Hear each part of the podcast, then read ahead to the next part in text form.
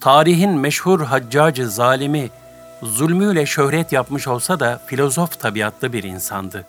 Bir gün cuma namazında onu gören hatip, cihadın en faziletlisi, zalim sultanın karşısında hakkı ve adaleti söylemektir. Hadisini hatırlayarak, hutbede Haccac hakkında pek çok ağır sözler söyledi. Haccacı zalim sükunetle dinledi. Namazdan sonra hatibi huzuruna çağırtarak ona sordu. Sen öyle neler söyledin bakalım hutbede? Hatip, nasıl olsa kellesinin vurulacağı düşüncesiyle geri adım atmadan, Haccaca hutbedeki sözlerini biraz daha sert bir üslupla tekrar etti. Haccac, tuhaf şey dedi. Sen bilgili bir adama benziyorsun. Lakin İslami davetin metotlarından haberin yok. Sen hiç Kur'an okumuyor musun? Senden daha faziletli olduğu muhakkak olan Musa aleyhisselamı benden daha kusurlu ve üstelik ehli küfürden olduğu muhakkak olan Firavun'a gönderirken Cenab-ı Hak ona leyyin yani suyun akışı gibi yumuşak bir lisan kullanmasını emir buyurmadı mı? Hatip söyleyecek söz bulamadı. İrşat metodundaki hatasını anladı ve özür diledi. Hasılı yumuşaklık müminlerin vazgeçilmez vasıflarından biridir. Hakka davet ve halka hizmette en mühim düsturdur. Nitekim resul Ekrem sallallahu aleyhi ve sellem Efendimiz Allah rafiktir, rıfk sahibidir. Rıfkla, yumuşaklıkla muameleyi sever. Sertliğe ve diğer şeylere vermediği sevabı rıfkla muameleye verir buyurmuştur. Bu mevzuda Mevlana Hazretleri de şöyle buyurur.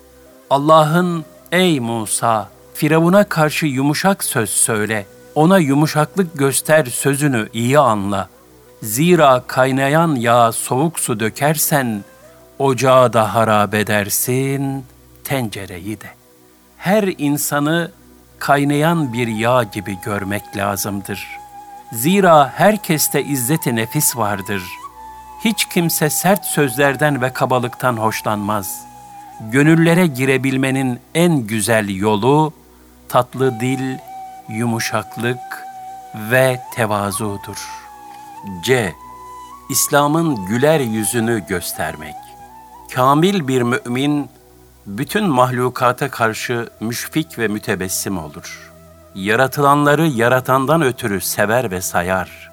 İslam'ı en güzel şekilde anlayarak onun güler yüzünü insanlara, hayvanlara ve cemadata ilahi bir lütuf olarak takdim eder. Böyle müminlerden oluşan bir toplumun huzur içinde olacağı muhakkaktır. İslam, insanları daima huzur ve saadete sevk eden ilahi bir dindir. Asıl mesele, Müslümanların onu asli muhtevasıyla kavrayıp temsil edebilmeleridir. İslam'ı layıkıyla yaşayıp, getirdiği güzellikleri insanlara sergilediğimizde, onu kabul etmeyecek hiçbir insaflı insan bulunamaz. Müslümanlar dinlerinin güler yüzünü bütün aleme gösterebildikleri takdirde her akıllı kişi İslam'ın vaad ettiği ebedi saadeti idrak edecek ve onun bütün güzellikleri ihtiva eden huzurlu iklimine girmek için can atacaktır.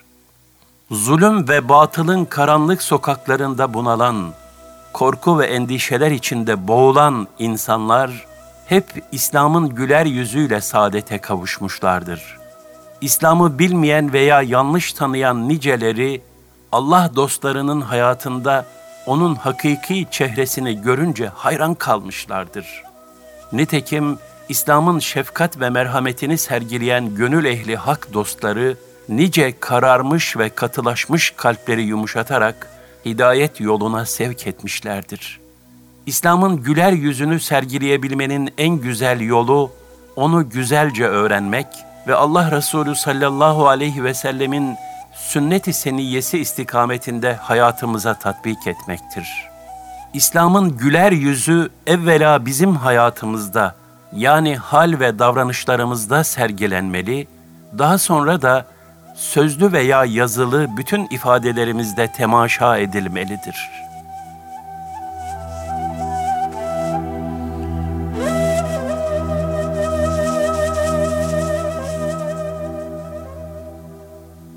Fazilet tabloları Saib bin Ebi Saib radıyallahu an şöyle anlatır.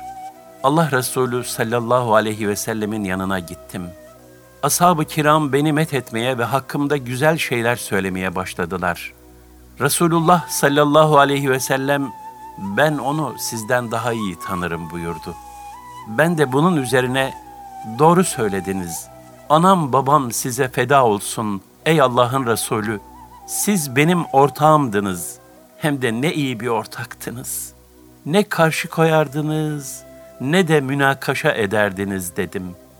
Fahri kainat efendimizde İslam'dan evvel de müşahede edilen bu nezaket, zarafet, güler yüz ve mülayemet insanların Müslüman olmasını kolaylaştırmıştır. Zeyd bin Harise radıyallahu an 8 yaşındayken Beni Kayn süvarileri tarafından yapılan bir baskında kaçırılıp köle olarak satılmak üzere Ukaz panayırına götürülmüştü. Hakim bin Hizam onu halası Hazreti Hatice için 400 dirheme satın aldı. Alemlerin efendisi sallallahu aleyhi ve sellem Zeyd'i görünce bu köle benim olsaydı muhakkak onu azat ederdim buyurdu. Hazreti Hatice büyük bir memnuniyetle öyleyse senin olsun dedi. Peygamber Efendimiz sallallahu aleyhi ve sellem de onu hemen azat etti. Zeyd'in babası oğlunun kaybolmasına çok üzülmüş ve onu aramaya çıkmıştı. Oğlunun Mekke'de olduğunu hacılardan öğrenince hemen kardeşiyle birlikte yola çıkıp alemlerin efendisini buldular. Ona Zeyd için gereken bedeli vermeye hazır olduklarını söyleyerek ödeyecekleri miktar hususunda insaflı davranmasını istediler. Efendimiz Aleyhisselatü Vesselam bundan başka bir çözüm yolu olamaz mı buyurdu. Nedir o diye sorduklarında da onu çağırın ve tercihinde serbest bırakın. Eğer sizi seçerse hiçbir bedel ödemenize gerek yok. Eğer beni tercih ederse vallahi benimle kalmak isteyeni hiç kimseye tercih etmem buyurdu. Zeyd'in babasıyla amcası sen bize çok insaflı davrandın, büyük lütuf ve ihsanda bulundun diyerek memnuniyetlerini ifade ettiler. Zeyd ise vallahi ey Muhammedül Emin ben hiç kimseyi size tercih etmem. Siz benim için anne ve baba makamındasınız. Ben ancak sizin yanınızda kalırım cevabını verdi. Baba ve amcasının sitem dolu sözlerine karşı da ben bu zattan öyle şeyler gördüm ki hiç kimseyi ona tercih edemem ve ondan hiçbir zaman ayrılmayacağım dedi. Fahri kainat sallallahu aleyhi ve sellem Efendimiz Zeyd'in sadakatini görünce onu elinden tutarak Kabe'ye götürdü ve ''Ey insanlar! Şahit olunuz ki Zeyd benim oğlumdur. Ben ona varisim, o da bana varis olacaktır.'' diyerek onu evlat edindi. O günden sonra Zeyd'e Zeyd bin Muhammed denilmeye başlandı. Bu durum Ahzab suresinin 5. ve 40. ayetleriyle evlatlık tatbikatının yani tebenni kaldırılışına kadar devam etti. Zeyd radıyallahu anh'ın babası ve amcası bunu görünce gönül huzuruyla memleketlerine döndüler. Allah Resulü sallallahu aleyhi ve sellemin insanlara karşı muamele ve muaşereti öyle güzeldi ki, hiç kimse ondan ayrılmak istemiyordu. Onun şefkat ve merhamet deryası olan yumuşak tabiatına, daima bir gül bahçesi gibi mütebessim çehresine, velhasıl güzel ahlakına herkes meftun oluyordu. Resulullah sallallahu aleyhi ve sellem, Huneyn'de elde edilen ganimetleri bir müddet bekletmiş, daha sonra taksim etmişti. Bu taksim işinde yavaş davranmasının hikmeti ancak Cirane'ye gelişinin 10. günü anlaşılabildi. Mağlup olan Hevazin kabilesinden bir heyet, Allah Resulü sallallahu aleyhi ve selleme gelerek Müslüman olduklarını bildirdiler. Bu vesileyle de esirlerinin ve mallarının geri verilmesini talep ettiler.'' Bu esnada Sa'd oğullarından biri ayağa kalktı ve ''Ya Resulallah, şu gölgeliklerde bulunanlar senin süt halaların, teyzelerin ve sana süt emzirip bakmış olan kadınlardır.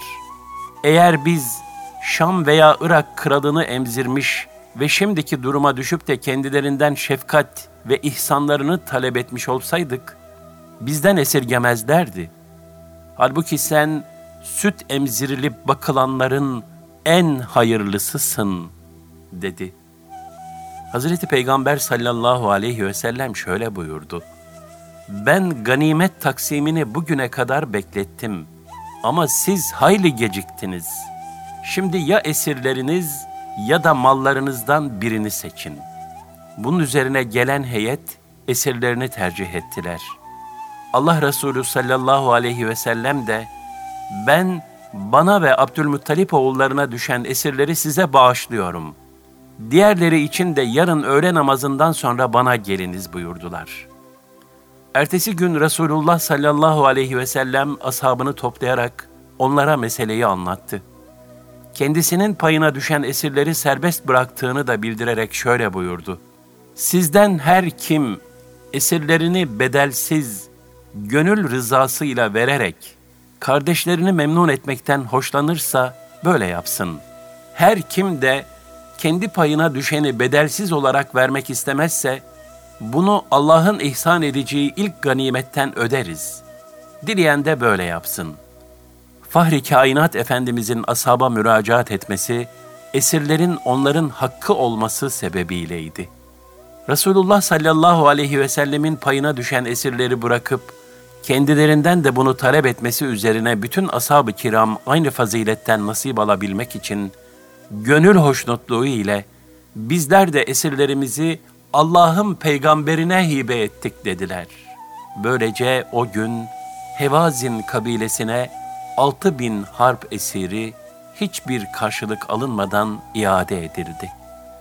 Tarih böyle bir manzaraya hiçbir zaman şahit olmamıştı. Ancak o an şahit oluyordu ki Allah Resulü sallallahu aleyhi ve sellemin ümmetine aşıladığı İslam ahlakı ve faziletleri sayesinde bir dakika içinde altı bin esir dünyevi hiçbir karşılık beklenmeden serbest bırakılmıştı. Bu eşsiz fazilet tablosu karşısında bütün hevazinliler topyekün İslam'ı kabul ettiler. Hatta o sırada Taif'te bulunan kabile reisi Malik bin Avf da durumu öğrenince şaşırdı ve Allah Resulü sallallahu aleyhi ve sellemin ilk davetiyle o da İslam'la şereflenenler kervanına katıldı. Hazreti Peygamber sallallahu aleyhi ve sellem ona hem yüz deve ihsan buyurdu, hem de onu yine kabilesine reis olarak tayin eyledi. Cömertliğiyle dillere destan olan Hatimi Tayin'in oğlu Adi, hitabeti kuvvetli, hazır cevap, şerefli, faziletli ve cömert bir zat idi.'' Allah Resulü sallallahu aleyhi ve sellem hicretin 9. yılında Hazreti Ali radıyallahu anh'ı Tay kabilesinin putu Füls'ü yıkmaya gönderdiğinde Adi Şam'a kaçmıştı. Kız kardeşi Seffane ise esirler arasında Medine'ye getirilmişti. Varlık nuru Efendimiz sallallahu aleyhi ve sellem Seffane'yi serbest bıraktı ve elbise, binek hayvanı ve yol azığı verip kavminden güvenilir bazı kişilerin yanına katarak Şam'a gönderdi. Ati bin Hatim hadisenin devamını şöyle anlatır. Sefane akıllı bir kadındı. Ona Allah Resulü'nü kastederek şu zatın durumu hakkındaki görüşün nedir diye sordum. Bana vallahi senin hemen ona katılmanı dilerim. Eğer gerçekten peygamberse ona tabi olmakta başkalarının önüne geçmen senin için bir fazilet ve üstünlük olur. Bir hükümdarsa onun sayesinde Yemen'deki saltanatını kaybetmez, hor ve hakir bir duruma düşmezsin. Artık karar senindir dedi. Vallahi yerinde görüş budur. Ben bu zata gideceğim. O bir yalancı ise yalancılığı bana zarar vermez. Eğer doğru ise söylediklerini dinler, kendisine tabi olurum dedim ve Medine'ye gittim.''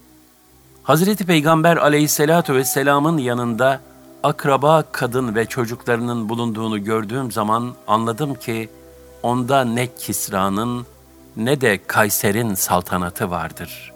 Fahri kainat sallallahu aleyhi ve sellem elimden tuttu, beni evine götürdü. Giderken düşkün ve yaşlı bir kadın onu yolda durdurdu ve ihtiyacını arz etti. O da uzun bir süre ayakta durup kadıncağızın derdini dinledi ve meselesini halletti. Eve vardığımızda hurma lifinden doldurulmuş bir minder alıp bana ikram etti. Bunun üzerine otur buyurdu. Ben hayır, onun üzerine sen otur dedim. Resulullah bana hayır, sen oturacaksın buyurdu. Minderin üzerine oturdum. Resulullah sallallahu aleyhi ve sellemse kuru yere oturdu. İçimden vallahi bu hükümdar işi değildir dedim.'' Allah Resulü sallallahu aleyhi ve sellem Adi, Müslüman ol, selamet bulursun deyince benim dinim var dedim. Senin dinini senden daha iyi biliyorum buyurdu. Benim dinimi benden iyi mi biliyorsun? dedim. Evet, sen Rekusi değil misin? Rekusiye, Hristiyanlıkla Sabiilik arasında ikisinin karışımı bir din telakkisi.'' Evet sen rekusi değil misin? Kavminin elde ettiği ganimetlerin dörtte birini yemiyor musun diye sordu. Evet öyle dedim. Aslında bu dinine göre sana helal değildir dedi ve daha fazla bir şey söylemedi. Resulullah sallallahu aleyhi ve sellem bunu söyleyince çok mahcup oldum. Kendisine evet öyledir vallahi dedim. O zaman anladım ki o Allah tarafından gönderilmiş bir peygamberdir. Resulullah sallallahu aleyhi ve sellem beni utandıran sözü bir daha tekrarlamadı. Sözlerine devamla senin İslam'a girmene mani olan sebebi de biliyorum. Sen ona zayıflar, Arapların değer vermediği güçsüz kimseler tabi oluyor diyorsun.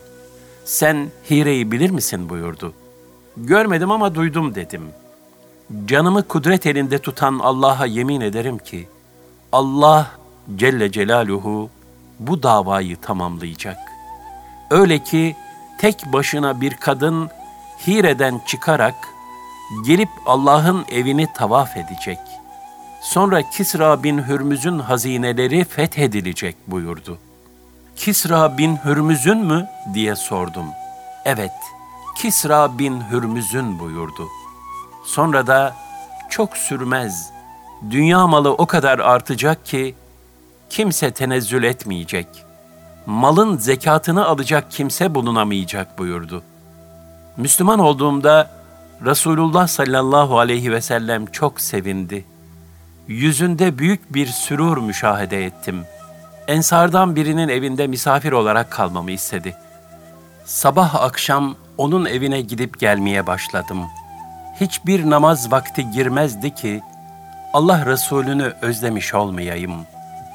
Yıllar sonra bu hadiseyi anlatan Adi radıyallahu an der ki, Vallahi bir kadının Hire'den devesinin üzerinde korkmadan yola çıkıp şu Beytullah'ı hac ettiğini gördüm.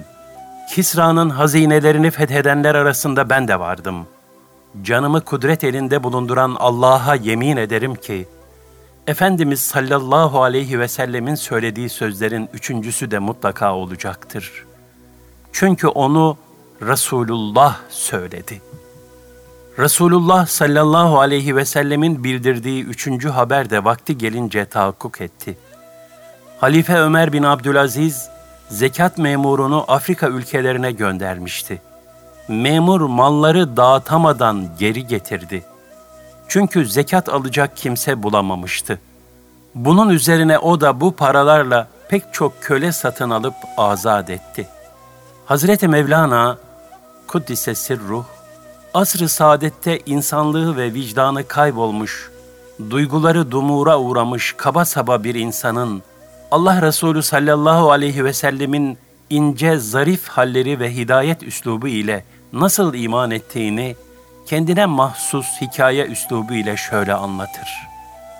Bir takım müşrikler akşam vakti mescide gelip Peygamber Efendimiz sallallahu aleyhi ve selleme misafir oldular. Dediler ki, ey bütün dünyadaki insanları manen misafir eden yüce insan! Biz buraya sana misafir olarak geldik. Yiyeceğimiz içeceğimiz yok. Ayrıca biz çok uzaklardan geldik. Burada tanıyanlarımız da yok. Haydi keremini, ihsanını göster. Biz garipleri sevindir. Gönüllerimize neşe nurları saç. Peygamber Efendimiz sallallahu aleyhi ve sellem sahabilerine ey dostlar diye buyurdu.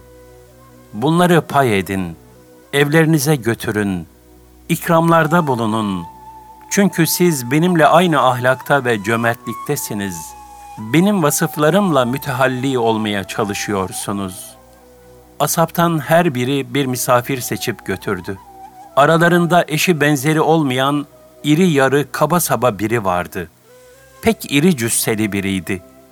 Bu fil gibi adamı kimse alıp evine götürmeye cesaret edemedi. Kasedeki şerbet tortusu gibi mescitte yalnız kala kaldı. Kimsenin götürmediği o iri adamı Hazreti Mustafa sallallahu aleyhi ve sellem aldı, hane-i saadetine götürdü. Peygamber Efendimiz sallallahu aleyhi ve sellemin süt veren yedi tane keçisi vardı. Kıtlık babası gibi olan o iri misafir sofrada ekmeği de yemeği de o yedi keçinin sütünü de tamamıyla yedi ve içti. Bütün ev halkı bu duygusuz, nadan adama öfkelendi. Çünkü bütün ev halkının gıdası bu insafsızın midesine inmişti. O obur adam karnını davul gibi şişirdi, sekiz on adamın yiyeceğini yalnız başına yedi. Yatma zamanı gelince de bir odaya girdi, hizmet eden kızcağız bu hodgam insana kızgınlığı sebebiyle kapıyı üstüne kilitledi, dışarıdan kapının zincirini taktı.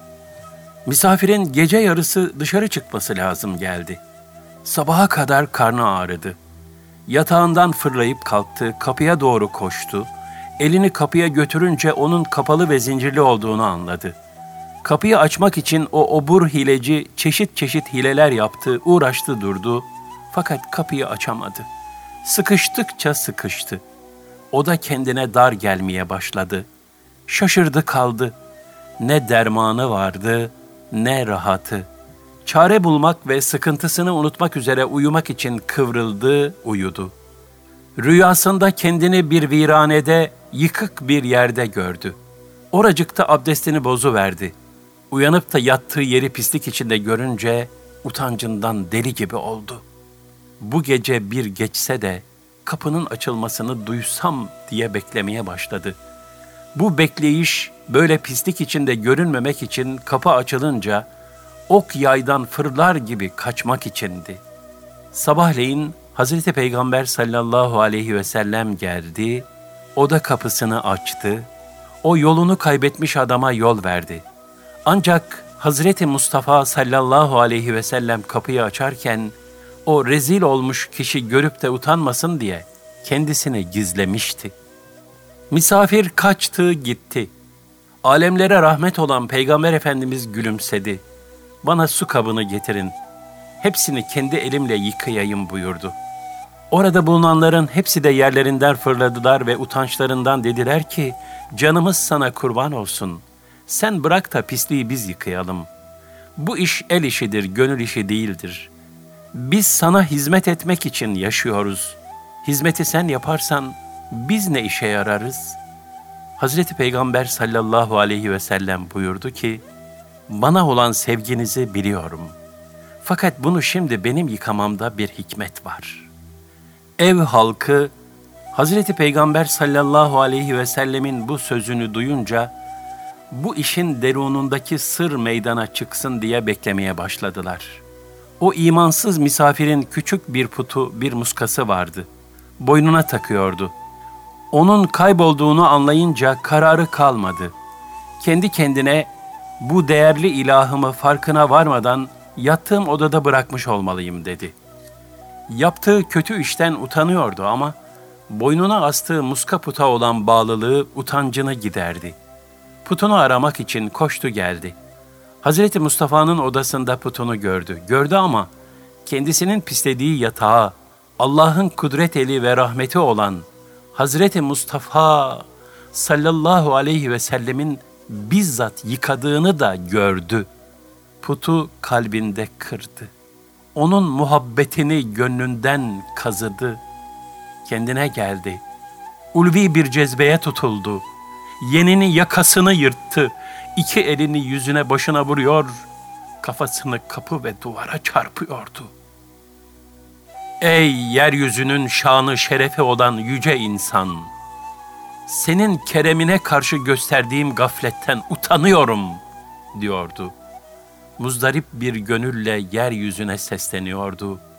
Ey hikmetlerle dolu yeryüzü! Sen Allah'ın emrine uyuyor, ona boyun eğiyor, onun aşkıyla dönüp duruyorsun. Bense senin üstündeki nimetlerle perverde olan aciz bir kimse olduğum halde, nefsime mağlubum, azıyorum. Sen Allah'a karşı hor hakir oluyor, ondan titreyip zikrediyorsun. Bense onun emirlerine karşı geliyorum. Yazık bana. Her an yüzünü göğe kaldırıyor. Hazreti Peygamber sallallahu aleyhi ve selleme Ey cihanın kıblesi sana bakacak yüzüm yok diye feryat ediyordu.'' Onun cezbe hali, titremesi, çırpınması iyice artınca, Hazreti Mustafa sallallahu aleyhi ve sellem o küfürden kaçmak isteyen zavallıyı can sarayına aldı, huzura kavuşturdu. Onun virane olmuş gönlünü ihya etti. Ona ince, derin ve esrarlı sözler söyledi. Böylece daha evvel putunun zebunu olan o gafil kişi, daha önce yabancısı olduğu bu yüce ahlak ve hassas gönül karşısında yakın bir dost verdi. Hazreti Peygamber sallallahu aleyhi ve sellemin o mana padişahının lütuflarından, engin tevazu sahibi oluşundan şaşırdı kaldı. Ey Allah'ın birliğinin şahidi! Bana kelime-i şehadeti öğret. Allah'ın birliğine iman, ve senin peygamberliğini tasdik edip saadet kervanına katılayım. Ben artık bu kaba varlıktan, bu duygusuz vicdan ve fil bedenimden usandım. Artık imanın sonsuz sahrasına varayım dedi. Hazreti Mustafa sallallahu aleyhi ve sellem o adama imanı talim etti. O mübarek kelime-i tevhidi söylemesi, yani la ilahe illallah Muhammedur Resulullah demesi bağlanmış düğümleri çözdü. Hazreti Mustafa sallallahu aleyhi ve sellem bu gece de hem hanemizin hem gönlümüzün misafiri ol buyurdu. Müslüman olan o bahtiyar adam dedi ki, Vallahi nerede olursam olayım, nereye gidersem gideyim, ebede kadar senin misafirinim. Ben ölüydüm, beni dirilttin.'' Artık ben senin azatlı kölenim, senin kapıcınım. Zaten dünyada ahirette senin şefaat sofranın misafirleridir. O gece Bedevi Hazreti Peygamber'in misafiri oldu. Bir tek keçiden sağlan sütün ancak pek azını içebildi. Sonra şükretti ve sofradan çekildi. Peygamber Efendimiz süt iç yemek ye diye üstüne düştüyse de o yeni mümin dedi ki, Vallahi ben gerçekten doydum. Bunu utanıp sıkılarak veya övünüp gösteriş yapmak için söylemiyorum. Artık senin feyzinle dolu bir lokma yüzlerce lokmaya bedel oldu. Ben dün geceki oburca yiyişimden daha fazla doydum. Hasılı kafirlik hırs ve zilletinden kurtulunca bu ejderha mide bir karınca gıdası ile doydu gitti. Bu kaba saba müşrik bedevi, Resulullah'ta İslam'ın güler yüzünü, af, müsamaha, şefkat, nezaket ve zarafetini müşahede edince, adeta erimiş ve nazik, müşfik, muhabbetli ve firaset sahibi bir Müslüman vermiştir.'' manevi buhranlara gömülmüş insanları kendi hallerine terk etmek yerine, onlara İslam'ın güzelliklerini ve güler yüzünü sergileyebilmek gerekir. Zira bu gibi kimselerin hakka ve hayra yönelip İslami bir yaşayışa adım atabilmeleri için bu tür manevi yardımlara ihtiyaçları vardır. Yezid bin Esam şöyle anlatır. Şam ehlinden güçlü kuvvetli, nüfus sahibi bir kimse vardı. Zaman zaman Hazreti Ömer radıyallahu anh'ın yanına gelirdi. Bir ara Ömer radıyallahu anh onu göremez oldu. Çevresindekilere falan zat ne yapıyor artık görünmez oldu dedi. Ey müminlerin emiri, o kendisini şaraba verdi dediler. Hazreti Ömer radıyallahu an katibini çağırarak yaz Ömer bin Hattab'tan falan kimseye selam sana kendisinden başka ilah olmayan günahları bağışlayan tevbeleri kabul eden azabı çetin ve ihsanı bol olan Allah'a hamd ederim. Ondan başka hiçbir ilah yoktur. Dönüş ancak O'nadır. Ömer radıyallahu an mektubu yazdırdıktan sonra arkadaşlarına dönerek Allah'a yönelmesi ve Allah'ın onun tevbesini kabul buyurması için kardeşinize dua ediniz dedi.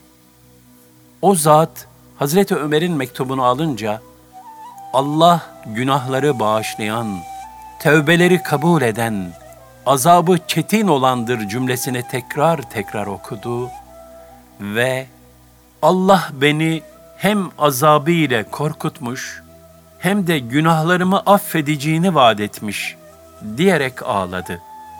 Daha sonra da güzelce tevbe etti. Hazreti Ömer radıyallahu an o zatın tevbe ettiğini haber alınca bir kardeşinizin yoldan çıktığını, günaha saplandığını gördüğünüzde onu doğru yola getirmeye ve Allah'ın affına güvenmesini sağlamaya çalışınız. Tevbe nasip etmesi için Allah'a dua ediniz. Kendisine beddua ederek aleyhinde şeytana yardımcı olmayınız dedi. Yine İslam'ın güler yüzünü sergilemeye dair güzel bir hadiseyi Hazreti Mevlana şöyle hikaye eder. Bayezid-i Bistami Hazretleri zamanında ateşe tapan biri vardı. Bir gün mümin bir kişi ona dedi ki, ne olur Müslüman olsan da selamete ersen, şeref ve ululuk elde etsen. Ateşe tapan kişi de şu cevabı verdi. Ey benim kurtuluşa ermemi murad eden kişi! Her ne kadar ağzımda sağlam bir mühür varsa da, yani imanımı açıkça söyleyemiyorsam da, gizliden gizliye ben Bayezid'in imanına inanıyorum. Çünkü onda bambaşka bir güzellik ve derinlik var. Ben henüz dine, imana tam gönül vermiş değilim ama onun imanındaki yüceliğe hayranım. O herkesten farklı, zarif, ince ruhlu, latif, nurlu, çok yüce, numune bir insan. Yok eğer beni davet ettiğin iman sizin imanınızsa, ben o imanda yokum. Zira benim sizdeki imana ne meylim ne de isteğim var. Çünkü bir kimsenin gönlünde iman etmeye yüzlerce meyil olsa da, imana gelmek istese, sizin sertlik ve katılığınızdan dolayı kas katı kesilir, soğur. Artık onda iman etme meyli de zaafa uğrar. Zira o sizde İslam namına manası olmayan bir isim ve adeta kuru bir iddia görmüş olur. Bu hal susuz çöllere gül, meyve, sebze yetiştirecek mümbit bir arazi gözüyle bakmak kadar acayip ve manasızdır. Benim görebildiğim kadarıyla imanın bütün cazibe ve nuraniyeti Bayezid'in imanında var. Onun imanının bir zerresi bir katreye damlasa, onu bir umman haline döndürür. Sizin imanınızsa kabukta kaldığı için riya ve gösterişin esaretine girmiş. Gelip geçici bir inanç, çirkin sesli ve ruhsuz bir müezzin gibidir ki, sevdiriciyi yerde uzaklaştırır. Yani sizin imanınız gül bahçesine girse, güllere diken olup onları kurutur. Fakat Bayezid Hazretlerinin iman güneşi, o mübarek ruhunun feyiz semasından doğar da bu alemde parlarsa, bu değersiz dünya ta yerin dibine kadar zümrüt kesilir, cennete döner. Müminlerin gönül dünyaları da feyiz menbaı olur.'' Onun için Bayezid'in imanı ve sıdkı benim gönlümde ve canımda imana karşı tarifsiz bir muhabbet, iştiyak ve hasret uyandırdı. Rivayet edildiğine göre İmam-ı Azam Ebu Hanife Hazretlerinin bir mecuside malı vardı. Onu istemek üzere mecusinin evine gitti. Evin kapısına gelince ayakkabısına bir pislik bulaştı. Ayakkabısını silkelediğinde pislik mecusinin evinin duvarına sıçradı. Şaşıran ve ne yapması gerektiğine bir türlü karar veremeyen Ebu Hanife Hazretleri kendi kendine şöyle dedi. Eğer pisliği bu halde bıraksam, Mecusi'nin evinin duvarının çirkin görünmesine sebep olacağım. Yok oradan kazısam, bu sefer de duvarın toprak sıvası dökülecek. Derken kapıyı çaldı, bir hizmetçi çıkınca ona, efendine Ebu Hanife kapıda bekliyor diye haber ver dedi. Bunun üzerine adam kapıya çıktı ve Ebu Hanife'nin malını isteyeceğini zannederek özür dilemeye başladı. Ebu Hanife ise şu anda bu önemli değil dedi ve duvarın durumunu anlattı. Bu duvarı nasıl temizleyebilirim dedi. Bu incelik ve âli cenaplık karşısında son derece duygulanan Mecusi, ben önce nefsimi temizleyerek işe başlayayım dedi ve o anda Müslüman oldu. İşte Ebu Hanife Hazretleri bu kadar küçük bir meselede Mecusi'ye zulmetmekten çekindiği ve bundan dolayı ondaki malını ona bıraktığı için Mecusi imana geldi. Düşünmek gerekir ki, zulüm ve haksızlıktan bu kadar titizlikle çekinen bir müminin, Allah katındaki izzet ve mükafatı nasıl olur? İmam-ı Azam Ebu Hanife Hazretlerinin komşularından ayyaş bir genç vardı. Bu genç sabahtan akşama kadar içer, geceleri de yerinde duramaz, naralar atıp küfürler savurarak etrafı dayanılmaz derecede rahatsız ederdi. Bir gece gencin attığı naralar kesilince Ebu Hanife Hazretleri sabahleyin gidip gencin başına bir hal gelip gelmediğini araştırdı. Arkadaşları içki yüzünden kavgaya karışıp hapse atıldığını söylediler. Ebu Hanife Hazretleri bu duruma çok üzüldü. Hapishaneye giderek yetkililerden onu serbest bırakmalarını rica etti. Memurlar ancak kefaretle serbest bırakabileceklerini söyleyince İmam-ı Azam Hazretleri kefil oldu ve sarhoş komşusunu hapisten kurtardı. Durumu öğrenen genç derhal imamın yanına koşup nedamet gözyaşları döktü. Artık içkiye tövbe ettiğini söyledi. Bundan sonra ona layık bir komşu ve talebe olacağına söz verdi. Büyük imam gence şefkatle baktı ve mahzun bir sesle, Delikanlı, görüyorsun ya, seni gerçekten biz ziyan ettik. Sana ulaşma gayretini gösteremedik. Asıl sen bize hakkını helal et, dedi.